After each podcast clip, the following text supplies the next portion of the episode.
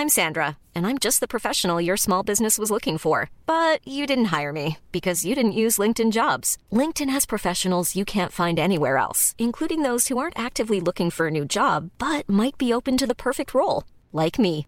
In a given month, over 70% of LinkedIn users don't visit other leading job sites. So if you're not looking on LinkedIn, you'll miss out on great candidates like Sandra. Start hiring professionals like a professional. Post your free job on linkedin.com/people today. Hi, I'm Daniel, founder of Pretty Litter. Did you know cats tend to hide symptoms of sickness and pain? I learned this the hard way after losing my cat, Gingy. So I created Pretty Litter, a health monitoring litter that helps detect early signs of illness by changing colors, saving you money and potentially your cat's life. Pretty Litter is veterinarian developed, and it's the easiest way to keep tabs on your fur baby's health right at home. Go to prettylitter.com and use code ACAST for 20% off your first order and a free cat toy. Terms and conditions apply. See site for details. Quality sleep is essential. That's why the Sleep Number Smart Bed is designed for your ever evolving sleep needs. Need a bed that's firmer or softer on either side? Helps you sleep at a comfortable temperature? Sleep Number Smart Beds let you individualize your comfort so you sleep better together.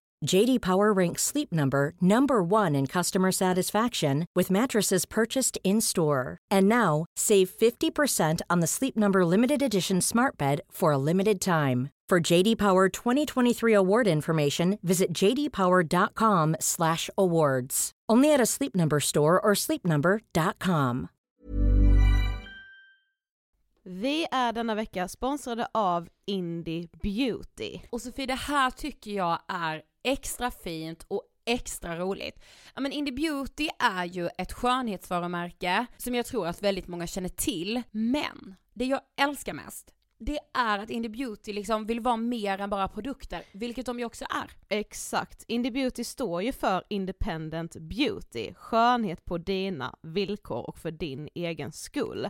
Och Indie Beauty tror ju stenhårt på ett alternativt skönhetsideal fritt från måsten, skam och känslor av otillräcklighet. Där är jag helt med Indie Beauty. Jag med. Det är så jag vill att skönhet ska vara. Ja men verkligen. Och vet du vad som är nytt för i år Sofie? Berätta. Från och med i år så skänker Indie Beauty 1% av sin försäljning till Suicide Zero, Tjejzonen och Djurens Rätt. Så när man handlar produkter från Indie Beauty så kan man liksom känna att man också ger tillbaka till samhället. Ja, kraften i tillsammans. Ska jag säga en sak nu då, mm. som jag, det, men det är detta jag är extra glad över. Nu har Indie Beauty tagit fram en keps och den tycker jag ändå så, på sommaren, skydda sig från solen. Jättebra, jag älskar kepsen. Men det bästa, de bidrar till Suicide Zeros viktiga arbete för att minska antalet självmord och självmordsförsök.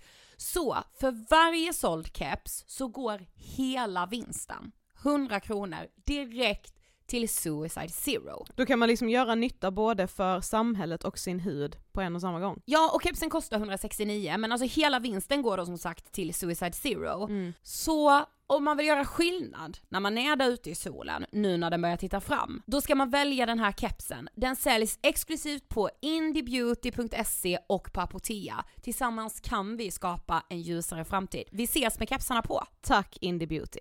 Du lyssnar på avsnitt 32 av Ångestpodden och vi vill tacka vår fantastiska samarbetspartner Deodor.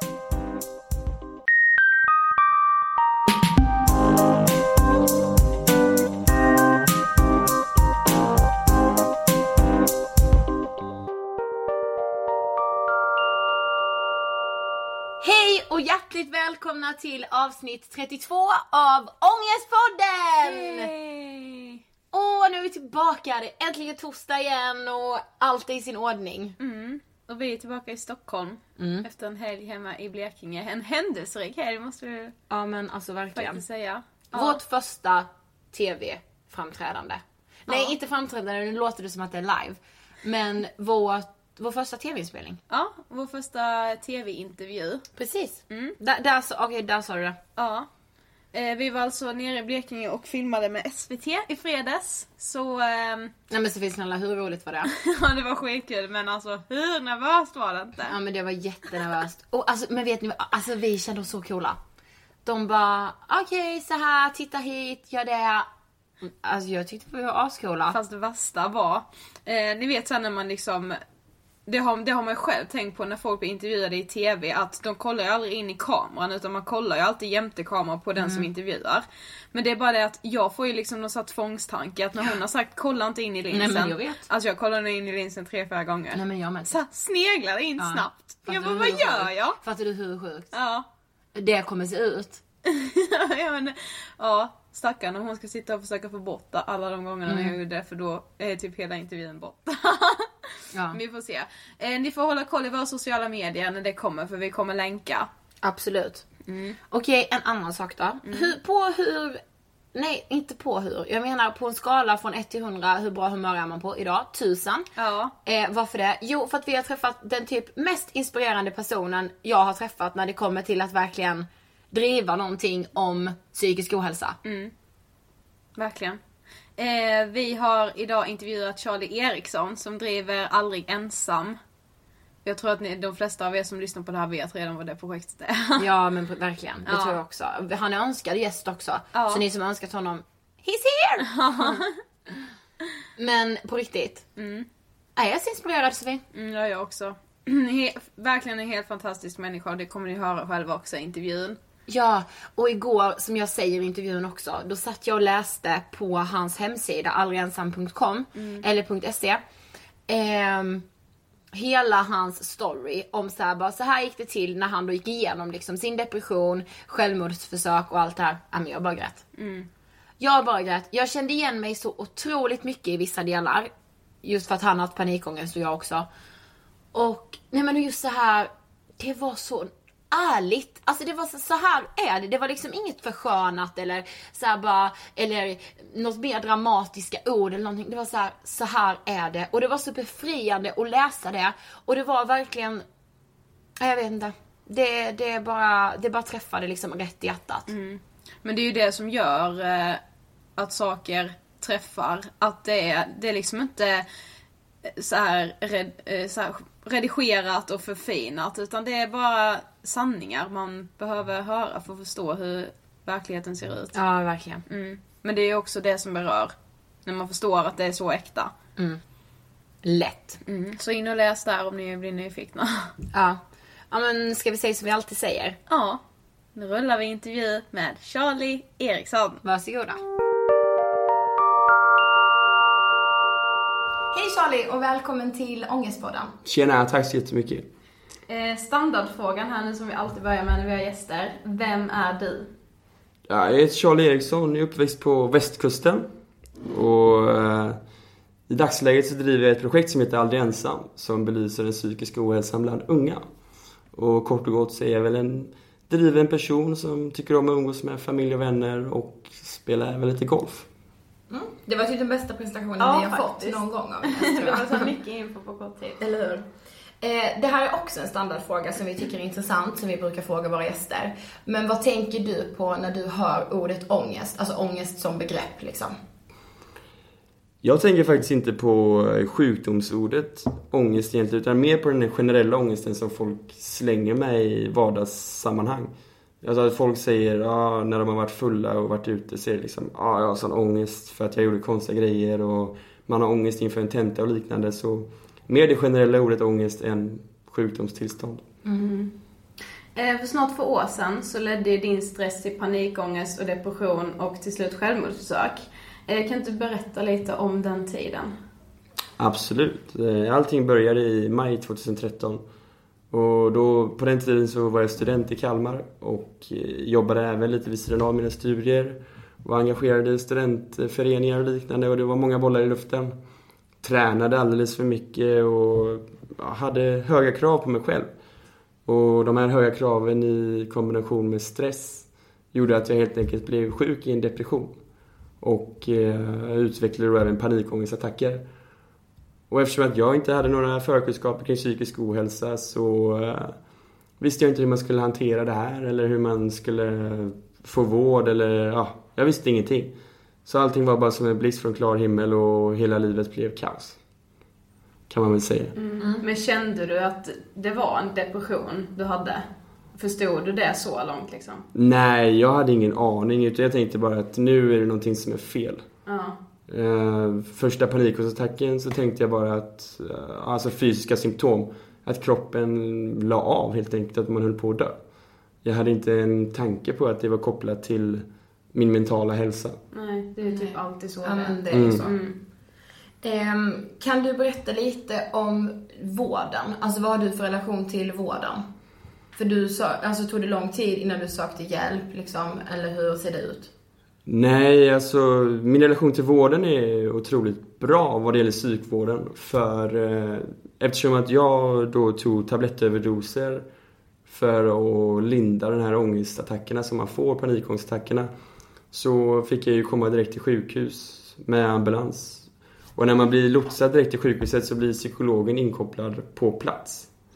Och då så hamnar man ju inte i några vårdköer eller liknande utan man får akutvård och eh, de sätter in resurser omgående eftersom att man har ett suicidförsök då. Så då, jag har ingen erfarenhet av vårdköer och liknande utan jag har alltid fått hjälp på en gång. Vad skönt. Mm. För det är ju så himla, alltså det är ju så olika när man pratar med Ja, men människor, verkligen. just vården. Ehm, Men var det så här, alltså dina självmordsförsök, var det typ som ett rop på hjälp? Eller gjorde du det för att du tänkte så här, "Men då kommer jag före kön liksom, då kommer jag direkt in till sjukhus, eller vad tänkte du? Mm, Nej, det hade ingenting egentligen med köer att göra eller att jag ville ta livet av mig utan det handlade mer om att jag ville bli tagen på allvar. Ja. För första attacken som jag hade där i maj eh, 2013 så eh, ringde jag 112. Och bara sa liksom att eh, ja, men min kropp håller på att lägga av och jag har svårt att andas och hjärtat eh, rusar iväg och ja, hela världen krympte ihop. Jag var nere i stan i Kalmar och bara kände att jag måste åka till sjukhuset, jag behöver akut vård. Och det slutade med att ingen ville komma och hämta mig och ingen ville hjälpa mig från larmcentralen då så då tänkte jag bara, ja, nästa gång det här händer så får jag liksom göra någonting som gör att de inte kan säga nej. Mm. Och då var det redan dagen efter och då så tog jag en tablettöverdos för då visste jag att ja men om man har försökt att ta livet av sig enligt sjukhustermer då så kan de inte neka en eh, ambulanstransport och då kommer jag till sjukhuset. Så det är så, gud. det är så fel. det är verkligen det. Men du hade alltså aldrig någon kontakt med typ så någon kurator där du pluggade eller någon psykolog eller någonting? Utan... Nej, ingenting jag åkte ju direkt in på Ja. sjukhuset. Ja. Så det är ju via den vägen då som jag blev lotsad in i psykvården sen då. Ja, okej. Ehm, men man brukar säga inget ont som inte har något gott med sig. Eh, Berätta mer om ditt projekt Aldrig ensam. Absolut. Eh, Hela grunden ligger i att eh, när jag då var otroligt sjuk där under den här sommaren då där allting eskalerade och blev bara sämre och sämre och jag förstod mindre och mindre av vad som hände. Så ägnade jag mycket tid åt att söka på internet efter information om eh, Ja, jag hade ju fått min diagnos depression via läkaren och panikångest. Det här kände jag ju till lite grann. Så då satt jag och letade mycket om om det fanns liksom eh, några förebilder eller liknande som kanske bloggade om det här eller hade skrivit någon bok eller ja, någon information överhuvudtaget. Men det enda jag hittade var liksom det här Järnkoll, regeringsprojektet där och mm där var ju de flesta över 50 år. Som berättade om sina historier och det var svårt att relatera till för de hade ju massa barn och kanske hade kommit långt i karriären och ja, massa begrepp och grejer som man inte ens hade någon relation till. Så då ville jag starta ett projekt som fyllde det här svarta hålet och ge unga människor en historia att relatera till som är mer lik deras vardag. Mm. Men vad går projektet ut på då? Vad gör ni liksom? Ja, hela verksamheten är ju förebyggande arbete. Och hela tanken är att eh, bättra på folks kunskaper kring ämnet. Det vill säga att eh, komma ut och föreläsa mycket på skolor och företag och liknande för att utbilda publiken så att säga. Ge dem eh, viktiga verktyg på hur man kan se första tecknen på psykisk ohälsa. Vad man kan göra som medmänniska i ett tidigt stadie. Liksom helt enkelt att fånga upp ungdomar innan de hamnar på fel sida. Och ge folk ja, rätt verktyg verkligen och satsa mycket på information så att folk har bättre kunskaper. För då minskar man ju skammen och tabu. Precis. Alltså jag älskar det Ja, jag med. Ja, Det men jag gör verkligen. Men vad tror du att du har fått ut av att starta projektet då? Hjälpte det dig att må bättre liksom? Ja, absolut. Eh, jag skrev ju alla de här texterna som ligger på hemsidan eh, precis innan jag lanserade. Ja, alltså jag skrev texterna och sen lanserade jag hemsidan. Mm. Och jag läste de texterna igår måste jag bara säga. Alltså jag blev så berörd. Jag grät hur mycket som helst. Dels för att jag kände igen mig så mycket men också för att det var så himla, men det var så ärligt skrivet liksom. Och ja, det, behövs, absolut. det behövs så mycket mer sånt. Och det är det som är tanken att eh, jag la ju verkligen pusslet vad jag hade gått igenom och jag läste mina journaler och intervjuade min familj, hur de hade upplevt hela situationen och min resa då under det året. Och sen så vill jag ge en, eh, en rättvis bild av hur det är att vara drabbad av psykisk ohälsa och jag skriver även väldigt öppet om eh, vad det är för människor man träffar inne på det som vi säger i folkmun psyket då. Det vill säga på psykakuten och PIVA. Och jag vill liksom att de här fördomarna som finns, de ska helt enkelt suddas ut för eh, det känns som att det är verkligen det allra viktigaste. Ja men verkligen, ja. för det är verkligen, man träffar alla typer av människor och det är alla åldrar och det är alla bakgrunder och alla drömmar och visioner och det går inte att placera folk i fack så som vi gör idag. Nej, precis. Men hur var det för din familj då? Alltså, har du alltid varit en person som har så höga prestationer och... Ja, absolut. Ja. Jag har alltid haft eh, höga krav på mig själv och väldigt högpresterande i skolan och liknande. Och jag hade målet inställt på att göra en karriär och det här klassiska. Och det visste ju min familj om och de eh, har ju alltid stått bakom det jag vill göra och liknande. Så för dem var det verkligen ett, en eh, chock att jag var sjuk. Mm. Att jag hade blivit drabbad av psykisk ohälsa. För eh, jag är nog den sista som de trodde skulle bli drabbad. Mm. Just för att man alltid är glad, utåtriktad och liknande och man passar inte in på stereotypen. Nej, precis. Och för att de, man har ju bilden av att det är sådana personer som mår, alltså som mår bra utåt, de mår också bra liksom, mm. i sig själva. Ja, men verkligen. Ja. Alltså vi tänkte på en intressant sak som vi själva, när vi har drivit Ångestpodden, har tänkt. Kan du få prestationsångest? Säg att du har en stor föreläsning eller typ någonting du ska göra, kanske ett tv-framträdande eller så. Kan du få prestationsångest inför det då? För vi kan ju känna så att vi får prestationsångest inför intervjuer och då känner man så här, ja det här blir motsägelsefullt mot vad jag gör. Förstår du? Ja, absolut. Väldigt, väldigt rolig fråga faktiskt. Men nej, jag, jag ser inte riktigt på det sättet. För, för mig handlar det inte, alltså speciellt då när det är till exempel Nyhetsmorgon eller liknande så ser jag inte det som att det är en prestation i sig. Utan det är mer att det är någonting som måste göras och det är ett ämne som måste tas upp. Och sen om det är jag eller någon annan som sitter där och pratar, det är oväsentligt. För det viktigaste är att budskapet kommer fram. Men jag vet att du sa något bra i någon intervju som var så här: jag har lärt mig att vara nöjd över det jag faktiskt har åstadkommit och inte tänka på det som du inte har gjort ännu. Utan Precis. du är nöjd med det som du Det är så bra. Ja, gud vad sant. Det du sa, det jag bara, fan vad sant. Och det, det man, och det man inte har gjort ja. än, det kan vi ju göra sen. Ja, precis. Mm. Det är ju inte, man behöver inte ha så bråttom hela tiden utan man hinner göra mycket saker och det är bara att ta en sak i taget och göra det ordentligt. Precis. Men hur har din bild av psykisk ohälsa förändrats sen du själv blev drabbad? Vad hade du liksom, om du tänker tillbaka, vad hade du för bild på psykisk ohälsa innan? Nej men jag är alltid ärlig och säger att jag hade otroligt mycket fördomar. Och jag placerade in folk i fack och hade stereotyper av hur en deprimerad person ser ut och det här verkligen eh, svartmålade bilden av hela ämnet och att, eh, ja men lite det här man lär sig i film också att det är på psyket det är liksom världens helvete ja. och det är där det spökar lite och folk mördar varandra och liknande och personalen vill inte veta av patienterna och sådär. Det var verkligen min bild av psykisk ohälsa utan att jag gick inte och tänkte på det varje dag men det var ju ungefär den bilden man hade. Ja men om man fick frågan så var det så. Ja men precis. Ja. Det var det man föreställde sig om man hörde begreppet. Mm. Och idag är det ju laddat med så mycket annat. Man förstår att det är alla drabbas, spelar ingen roll vem man är eller vad man har för uppväxt eller liknande. Och eh, det är ett ämne som är otroligt brett. Mm. Det kan handla om allt från ångest till ätstörningar till självmord ja, ADHD och liknande räknas in i begreppet och det, mm. det är så otroligt stort. Så att bara placera in det människor i ett fack under en titel psykisk ohälsa, det är så otroligt fel. I'm Sandra and I'm just the professional your small business was looking for. But you didn't hire me because you didn't use LinkedIn jobs. LinkedIn has professionals you can't find anywhere else, including those who aren't actively looking for a new job but might be open to the perfect role, like me.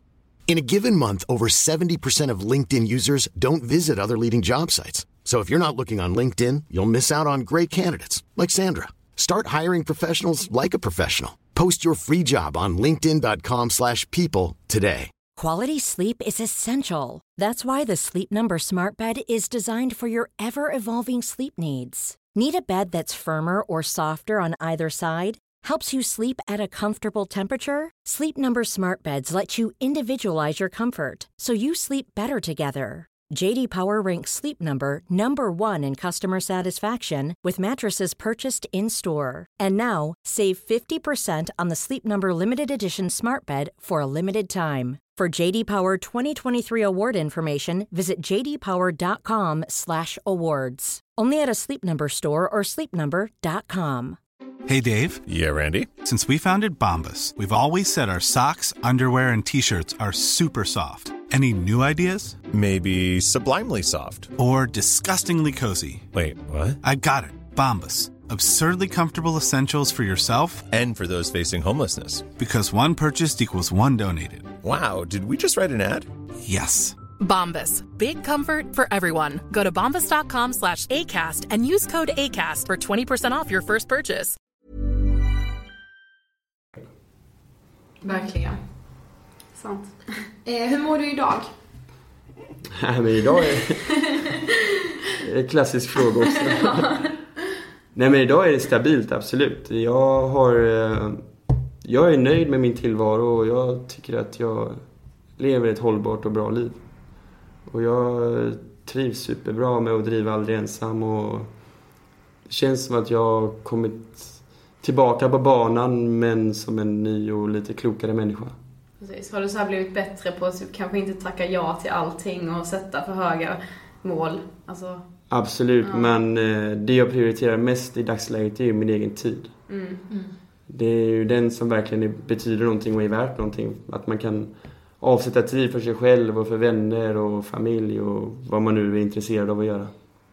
Du har ju skrivit en bok också, Du är inte sjuk. Eh, vad är det för bok?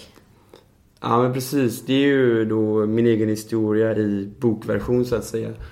Och titeln kommer från att eh, när jag var sjuk så sa jag ju bara det till min familj och mina chefer på mitt dåvarande jobb.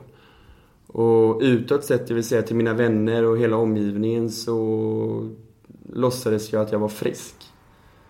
Och hela tanken med titeln är egentligen att jag var hur sjuk som helst och höll på att stryka med och allt möjligt men utåt sett så trodde folk att jag var frisk och det är det som är så lurigt med psykisk ohälsa, att man kan verkligen inte se vem som är drabbad. Utan om någon vill förneka det så är det ganska enkelt att bygga upp en fasad. Det är så Det är sant. det som är så farligt också. Ja, men jag känner igen det så mycket. Så var det verkligen för mig när jag gick i KBT för min panikångest. Jag berättade inte det för någon. Det var verkligen såhär, bara nej. Det är jättebra med mig. Ja, Det exakt. var det ju absolut inte då liksom. Och det är därför det är så viktigt att, alltså att alla olika typer av människor som är drabbade också vågar berätta det och prata om det för att man ska få ja, men nya förebilder och nya bilder av eh, var den psykiska ohälsan finns. Mm, precis. För det är så här, den finns överallt. Alltså det, det, jag, jag lovar, på så här, alla arbetsplatser i hela Sverige, det är någon som är drabbad där. Ja, ja. I Ja, varje lite klass, här- i varje, överallt. Ja, och det är lite så här, alltså alla känner någon. Alla vet Mm. någon som... Verkligen. Ja. Och så fort någon bryter isen och berättar sin historia eller om någon anhörig så vet man att de andra i rummet också kommer sitta på en liknande historia. Alltså Ja, när man typ så har testat lite så sen vi startade podden, när man börjar berätta typ så här, alltså man träffar typ nya personer så här, väljer man väl att bryta isen, då kommer liksom, då bara ramlar samtalsämnena in för Ja. att alla har någonting Ja. att säga. Det är bara att någon måste vara först. Ja, Precis. precis. Eh, om det sitter någon nu och lyssnar på det här och bara okej jag känner igen mig i allting han säger och om din berättelse då. Vad vill du eh, säga till dem? Jag tycker det viktigaste är att eh, om man känner att man mår dåligt eh, eller att man kanske drabbas av psykisk ohälsa. Dels är det ju självklart att man ska söka vård. Det är ju liksom man, man blir inte bättre med tiden utan det är sjukdomar som måste behandlas så först och främst söka vård. Men sen tycker jag även att man ska försöka att prata med i alla fall någon i sin närhet. Dels för att man ska få lätta den här tunga resan att ha någon att dela den med. Att man berättar hur man känner och tänker och vad man upplever. Och sen även för att få lite perspektiv på det hela att den här personen som man berättar för kan se lite från sitt friska perspektiv hur din resa utvecklar sig och vart du ser ut att vara på väg. För det är svårt när man är sjuk att ta kloka beslut. Mm. Det är jättesant. Ja. Vad har du för drömmar med Aldrig ensam? Ja, det är svårt att säga faktiskt för från början så var målet bara att nå ut till en person. Och det gick ganska Det gick rätt bra. det gick ju jättebra. Så jag är i hamn. Ja, precis. Nej, du kan lägga ner. Nej men nu i höst så ska hela projektet bli internationellt. Så det är väl lite en dröm som går i uppfyllelse faktiskt, att vi lämnar Sveriges gränser. Så jag har precis fått hela översättningen på boken och eh, hemsidan håller på att kodas om till så att den ska vara både på svenska och engelska. Så sjukt Vi. Vi bara wow. Tillbaka. Ja, verkligen. Så det är väl lite en dröm som går i uppfyllelse att vi, vi känner att vi har nått ut till hela svenska folket utan att veta exakta siffror på det men eh, vi känner att Sverige är med i matchen och nu tar vi världen. Åh, oh, vad kul. Så sjukt bra. Ja, men så bra också. Ja. Vi älskar det. Ja, ja, ja. Jag kom på en sak som jag tänkte på när jag läste dina texter igår, som jag verkligen fastnade för, som jag tyckte var så fint. Det var det här när du skrev, när du var inlagd på PIVA, säger man va? Ja. Eh, vad står det för?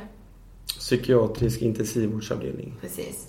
Då var det så här, då skrev du så här att du ville behålla dina egna kläder. Du bara, jag tog på mig mina egna kläder fast jag var där liksom. Och jag tyckte det var så fint att du ändå ville behålla det av dig själv medan du var där. Eh, alltså detta var ingen fråga, det var mer bara något jag ville säga. För att jag, jag, jag kände så här att jag tror att det kan vara viktigt. Ja men verkligen och jag tror att eftersom att det är sjukdomar som inte riktigt syns om man inte vill visa det då såklart. Det, det syns ju på många att de är drabbade men Mm. man kan ju dölja det. Och då tror jag att när jag fick på mig mina egna kläder och fick duscha och ja, men, fixa till mig och sådär. Mm. Då kände jag mig lite starkare.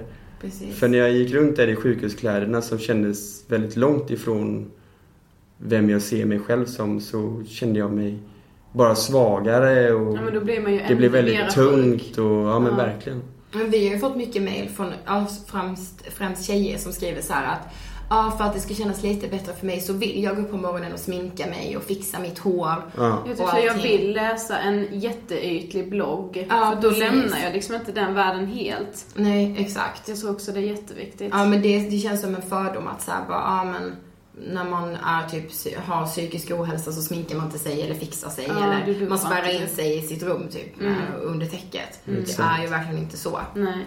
Eh, och det var därför jag tyckte det var så bra Mm. att du hade skrivit det.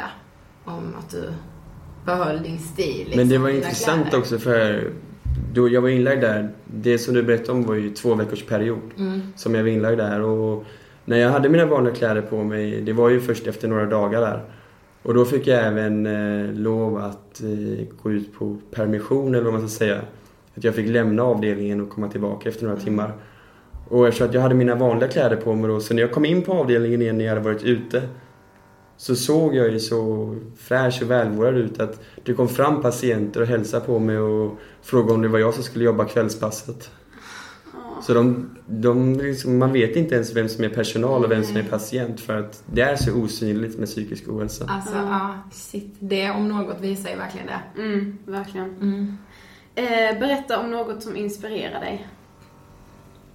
Det finns massor av saker men eh, framförallt när man läser om människor som vågar ta klivet och uppfylla sina drömmar.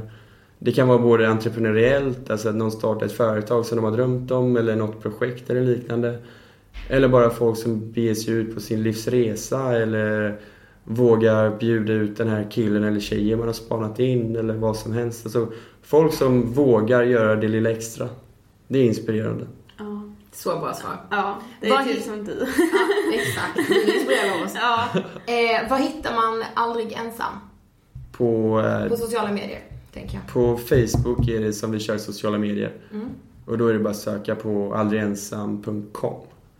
Och sen hemsidan är aldrigensam.com. Jag tänkte den här boken också, kan man beställa den från er hemsida eller? Ja, precis. Den finns på vår webbshop. Så Mm. det är aldrigensamshop.com. Yes. Toppen. Ja, Tack, så jättemycket. Tack, tack, Tack själva. Där hade vi det. Ja, där har vi det. Det är så fantastiskt. Ja, det är det verkligen. Alltså jag älskar verkligen människor, det har jag sagt tidigare men det tål att säga igen. Att jag älskar människor så mycket som gör någonting som de brinner för. Eller har en idé som de liksom gör någonting av. Ja. Det är verkligen det absolut, ja jag bara älskar det. Ja, jag men nej, älskar men- det så högt. Jag också, så jag kan bara instämma. Ja, ja men det var som jag tänkte när han själv sa så att bara, men jag inspireras av människor som gör det lilla extra. Bara, ja, det gör Det gör jag med. Nej men det gör jag med. Ja. Det, det ska jag med börja säga nu. Ja, jag också. Om någon ställer den frågan till mig någon gång. Ja. Mm. Okej, precis som Charlie sa så kan ni följa honom på Instagram. Sa han det? Mm. Det gjorde han. Eh, och den heter aldrig ensam kom. Mm. Som aldrigensam.com fast utan punkten. Precis. Eh, ni kan även kolla in dem på Facebook. Där söker ni bara på aldrig ensam och sen då givetvis hemsidan. Mm. Eh, ni kan ju följa oss på Instagram också. Där heter jag Sofie Hallberg. Och jag heter Ida Hockestrand. Och sen har vi en gemensam eh, Insta också som heter Angespodden. Ja, den är typ bäst att följa för ni vet, där kommer allt det roliga vi gör upp. Mm. Och där kommer vi givetvis lägga ut SVT-klippet också när det finns tillgängligt. Vi vet inte exakt när. Gud ja. Ja. Ja, men eh, vet ni vad vi vill avsluta med? Vi vill avsluta med en text som Charlie har skrivit. Som, alltså, hur, mycket ska, hur mycket inspiration ska vi ha i den här podden? Får det plats mer undrar jag? Ja, det gör det. I alla fall, vi har ju pratat tidigare om hur viktigt det är att våga misslyckas och att göra det. Och han har skrivit en klockren text som vi ska läsa för er. Mm. Så innan ni stänger av idag så får ni lyssna på den inspirerande texten. Exakt. Okej, vi hörs nästa vecka och embracea hösten. Ja, och skolstart. Tjo! Ha nu världens bästa torsdag och helg. Yes. Ni är bäst. Hej då!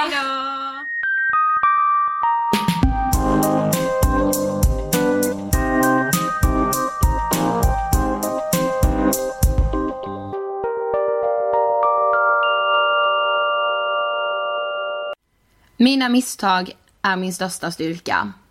Att misslyckas är ingen katastrof. Att misslyckas är inte det värsta som kan hända. Vi behöver misslyckas för att fortsätta utvecklas, pröva nya vägar och hitta oväntade lösningar. Men det krävs mod för att våga misslyckas. Ett misslyckande märks allra tydligast där det innebär höga risker, till exempel i yrkesgrupper som piloter och läkare. När de misslyckas med sina arbetsuppgifter handlar det om liv eller död för många människor och dessa misslyckanden får inte upprepas utan lärdom måste tas. Den psykiska ohälsan bland unga vuxna ökar som bekant och en faktor till detta är dagens prestationssamhälle. Ett samhälle där vi värderar varandra efter våra prestationer istället för exempelvis personliga egenskaper.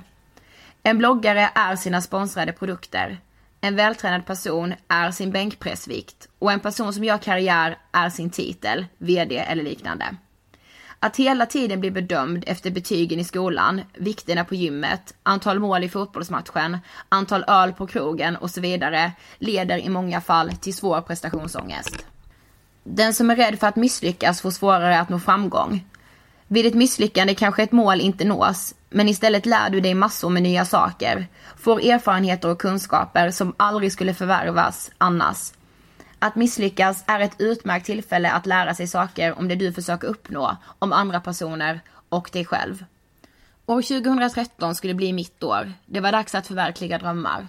Det skulle vara högsta betyg, starta eget företag, kung på nattklubbarna, roligast i klassen och liknande. Allt skulle vara maxat. Det här i kombination med flertalet andra faktorer ledde mig rakt in i en svår depression och jag utvecklade panikångest.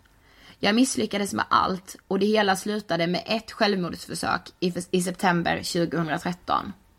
Även det misslyckades. Jag fick vårdas i respirator med livsuppehållande behandling och läkarna trodde inte att jag skulle överleva. Men det gjorde jag och det är jag tacksam för. Utan misslyckanden i mitt liv skulle jag inte leva nu. Jag skulle suttit på ett moln uppe i himlen och kollat ner på ett samhälle där jag var för fokuserad på att vara perfekt, att jag glömde av att uppskatta allt jag hade och faktiskt leva livet. Jag skulle blicka ner på ett samhälle där förväntningarna leder till att rekordmånga unga människor mår dåligt. Ett samhälle där unga människor väljer att begå självmord hellre än att visa sig svaga och vara öppna med sin psykiska ohälsa. Det viktigaste är att inte se eventuella misslyckanden som något fasansfullt. Blicka tillbaka, ta lärdom, förändra till något bättre och gå vidare. Bär med dig att det är en farlig självbild att vilja vara perfekt. Ingen kan vara det. Alla gör vi misstag ibland. Det är mänskligt och viktigt för att ha en fortsatt utveckling och nå nya framgångar.